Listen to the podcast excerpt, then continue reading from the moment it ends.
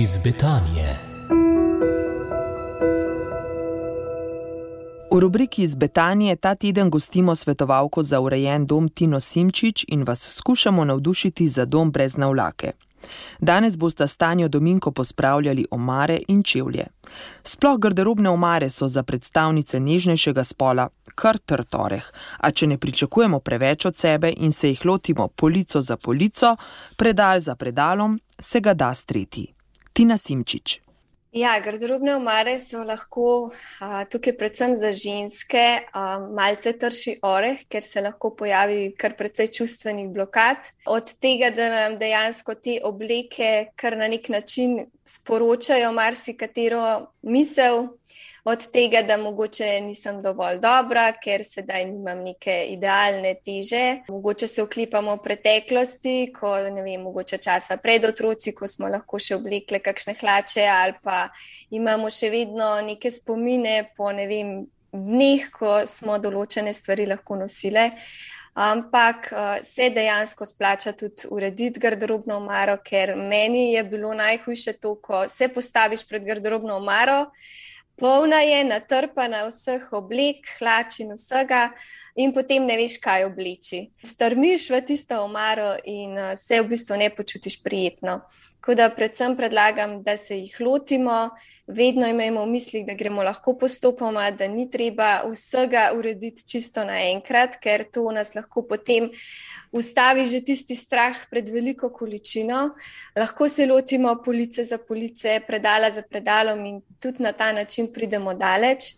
Sezonski časi so taki idealni, da pregledamo garderobo, da res ocenimo, kaj nosimo, kaj je tisto, v čemer se počutimo prijetno, udobno, kaj nam je v veselje nositi, in od ostalega se pa potem poslovimo. Če imamo res težavo, recimo, da se ne zmoremo v tem prvem krogu, ko prvič tečemo ta krog odpravljanja na vlake posloviti, si recimo lahko pomagamo tako, da enostavno določimo eno košaro ali pa en zabojnik za obleke, za katere menimo, da mogoče jih bomo pa še vedno oblekle. Seveda si določimo neko prostorsko omejitev, da je to res samo ena košara, da jih potem ni to pečkatelj na koncu in mogoče za vem, maksimalno pol leta shranimo te stvari, oziroma mogoče eno leto, ko se spet obrne sezona.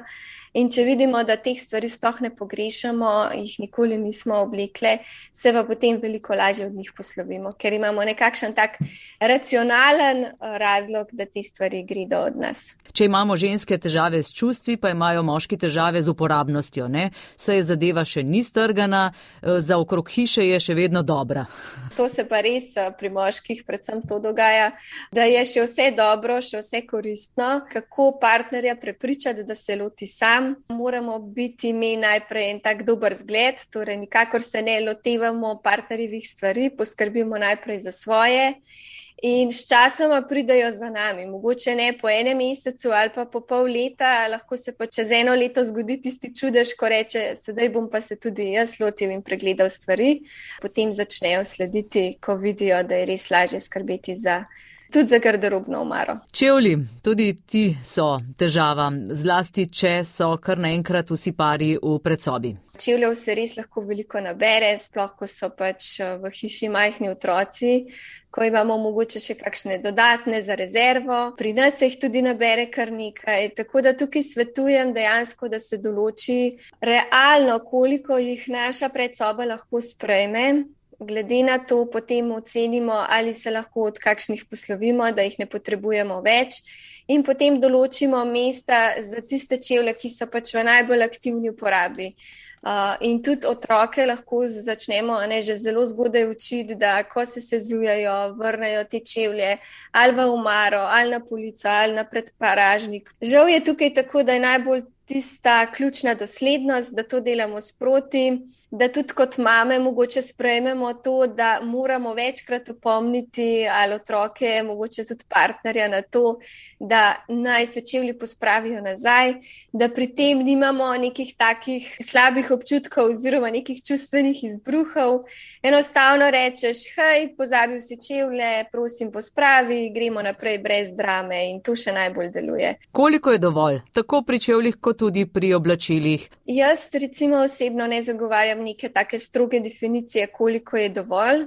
Tudi si ne želim, da preštevamo potem kose v omari in imamo zaradi tega dodatni pritisk čim bolj poskušajmo slediti sebi in biti iskreni s seboj. Jaz verjamem, da ko se ustavimo in smo iskreni s seboj in vidimo, da mogoče desetih parov čevljev pa otrok res ne potrebuje, lahko določimo, koliko je dovolj. Toliko dejansko, da uporabljamo stvari.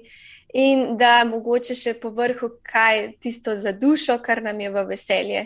Jaz verjamem, da lahko smo na določenih področjih maksi, Mogoče je nam res v izredno veselje to, da kombiniramo različne stile oblačil, pa imamo vsak dan druge čevlje, ampak ne moremo biti pa na vseh področjih maksimum, nekje moramo biti tudi potem mini, da nekako uravnotežimo. Ker če nam bo vse pomembno, potem na koncu dejansko nič več ni pomembno in posebno. V še zadnji epizodi rubrike iz Betanije letos pa bomo pokukali na podstrešja in v garaže. Hvala Bogu, da jih imamo. Bodite z nami tudi v petek, 20 minut čez 9.